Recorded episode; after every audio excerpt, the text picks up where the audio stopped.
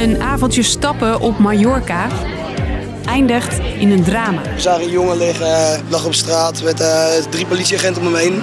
Die hadden voor mij eerste hulp uh, verleend.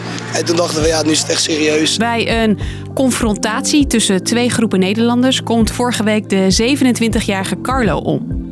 Wat is er gebeurd op het Spaanse eiland? En waarom is er discussie of Nederland of Spanje de zaak moet onderzoeken? Ik ben Hilde en in deze aflevering leg ik je uit wat we tot nu toe weten over de fatale mishandeling op Mallorca. Lang verhaal kort. Een podcast van NOS op 3 en 3FM. El Arenal. Een levendige badplaats op het Spaanse eiland Mallorca. Het is dinsdagnacht, of eigenlijk woensdagochtend vroeg, als Carlo, 27 jaar, met zijn vrienden aan het stappen is. Ze zijn met z'n vijven. Na tweeën, als de kroegen langzaam sluiten, lopen ze de boulevard op. Volgens ooggetuigen lijkt het alsof ze plotseling worden aangevallen door een andere grote groep Nederlanders. Ik heb zeker iets gezien. Ik zag, ik zag er twee er wegrennen. Alleen achteraf heb ik nog iemand aangesproken daar hier op de strip. En die had er een filmpje van gemaakt.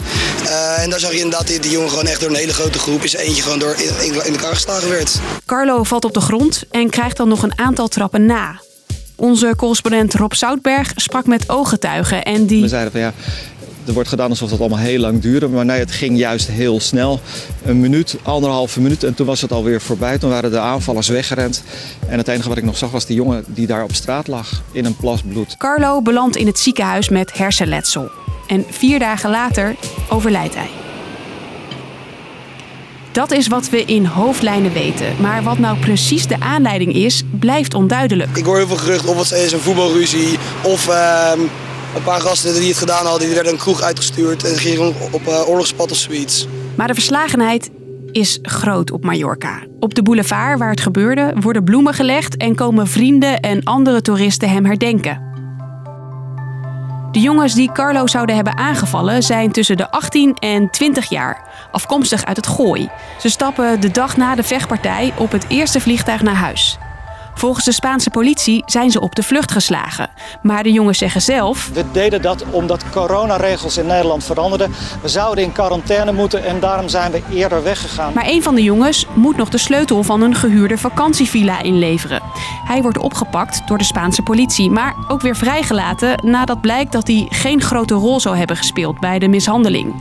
Hij is niet langer verdacht, zegt de politie na het bekijken van camerabeelden. Want er hangen gewoon langs die boulevard, hè, langs de zee waar we nu ook staan, hangen overal politiecamera's. En zeker op twee camera's is vastgelegd wat er is gebeurd. En zo zijn de andere acht jongens geïdentificeerd. De Spaanse politie heeft om hun uitlevering gevraagd, maar Nederland zegt dat ze dat verzoek nog niet hebben ontvangen. Een misdrijf in Spanje, maar met een Nederlands slachtoffer en een groep Nederlandse verdachten. De advocaat van één van de verdachten hoopt dat de zaak hier verder wordt uitgezocht. Simpelweg omdat het om uh, Nederlandse getuigen gaat, uh, Nederlands slachtoffer en Nederlandse verdachten. En dan heeft het de voorkeur om een dergelijk proces in Nederland uh, te laten afspelen. bijvoorbeeld alleen al de slachtoffers op zitting kunnen zijn. Maar hetzelfde geldt natuurlijk voor de familie van, van de verdachte. En ook vindt hij de eigen taal een voordeel. Omdat je anders een vertaalslag krijgt van Nederlandse Spaans en weer eh, terug. Dus het is ook veel zuiverder, vind ik, dat het in de Nederlandse taal uh, gedaan wordt. Maar op dit moment is het nog een Spaanse zaak, waarin Nederland, als Spanje erom vraagt, wel kan helpen. Van de acht mannen die verdacht worden, hebben twee zich vrijwillig bij de politie gemeld. Maar die zal pas in actie komen en ze oppakken als het officiële verzoek op het bureau ligt.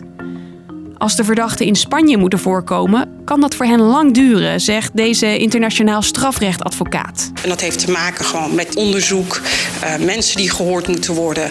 En je kunt zo uh, vier jaar in voorarrest verblijven. En de mogelijke straffen zijn niet mis. Het gaat hier om een levensdelict, dus de kans is aanwezig dat deze zaak uh, voor een juryrechtbank komt. En dan moet je denken aan straffen van 10 tot 15 jaar. Of misschien zelfs wel langer. Of de jongens worden uitgeleverd en in Spanje worden berecht, is dus nog niet duidelijk. En er ligt ook nog een andere optie op tafel, vertelt Rob. Ik hoor van de politie toch ook wel andere dingen. Een lokale journalist hier. Een mogelijkheid dat Spaanse rechercheurs naar Nederland toe gaan om dan bij ons in Nederland deze jongens te verhoren. Dat is natuurlijk een andere optie die op zich wel praktisch klinkt. Dus, lang verhaal kort. Bij een fatale mishandeling op Mallorca is een Nederlander van 27 omgekomen, Carlo. De acht Nederlandse verdachten zijn alweer thuis. De Spaanse politie wil graag dat hun Nederlandse collega's hen oppakken voor verhoor. Of de mannen ook echt worden uitgeleverd naar Spanje, moet nog blijken. Hoe dat verder gaat, houden we voor je bij op nos.nl. Bedankt voor het luisteren naar alweer de honderdste aflevering van Lang Verhaal Kort. Iedere dag in zo'n 5 minuten uitleg bij het nieuws.